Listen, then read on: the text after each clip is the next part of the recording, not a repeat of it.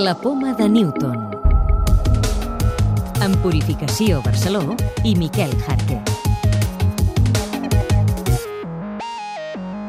Avui us parlem de l'activitat solar que tot fa preveure que serà molt intensa durant aquest any 2013.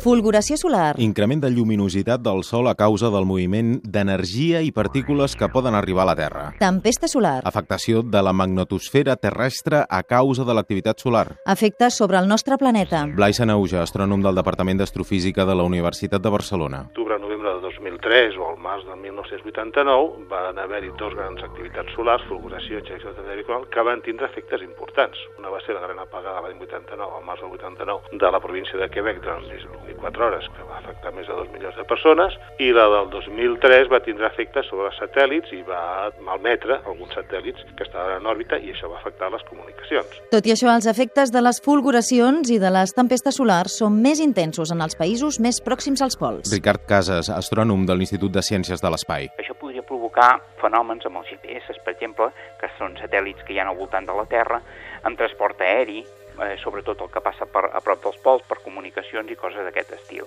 També pot provocar fenòmens a xarxes elèctriques, però més aviat situades cap als pols, cap a les zones polars. De fet, a les nostres latituds els efectes són minúsculs. Els científics insisteixen a dir que una activitat solar que pogués provocar efectes molt greus a la Terra és possible, però que no ha passat mai i que la possibilitat que passi és mínima. Avui també us parlem d'una nova aplicació de la Universitat de Barcelona per a mòbils Android que simula els eclipsis. Es diu Eclipse Calculator i aporta informació sobre quins eclipsis són visibles des del lloc on vivim, com es veuran o durant quanta estona. Dos científics de l'IRB descobreixen el mecanisme que accelera els tumors. Raúl Méndez és un dels investigadors que han participat en la recerca. Permite remitir los tumores y estudios que estamos haciendo ahora preliminares indican que tendría un efecto en la formación de metástasis.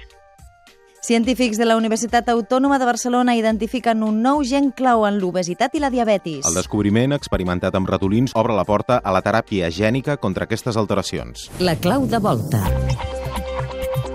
Què és el gel sec? Jordi Aloi, membre de l'àrea de Ciència, Recerca i Medi Ambient de l'obra social La Caixa. És diòxid de carboni en estat sòlid. Es diu sec perquè a l'inrevés que l'aigua, quan la temperatura puja, el gel sec no es fon, no passa a líquid, sinó que sublima, passa directament a gas. I aquesta és precisament una de les gràcies que té el gel sec en quant a refrigerant, perquè, per exemple, d'aquesta manera podem mantenir refrigerats circuits electrònics que no es podrien mantenir freds doncs, amb, amb gel d'aigua. O sigui, té moltes aplicacions en el camp de la ciència i de l'alimentació.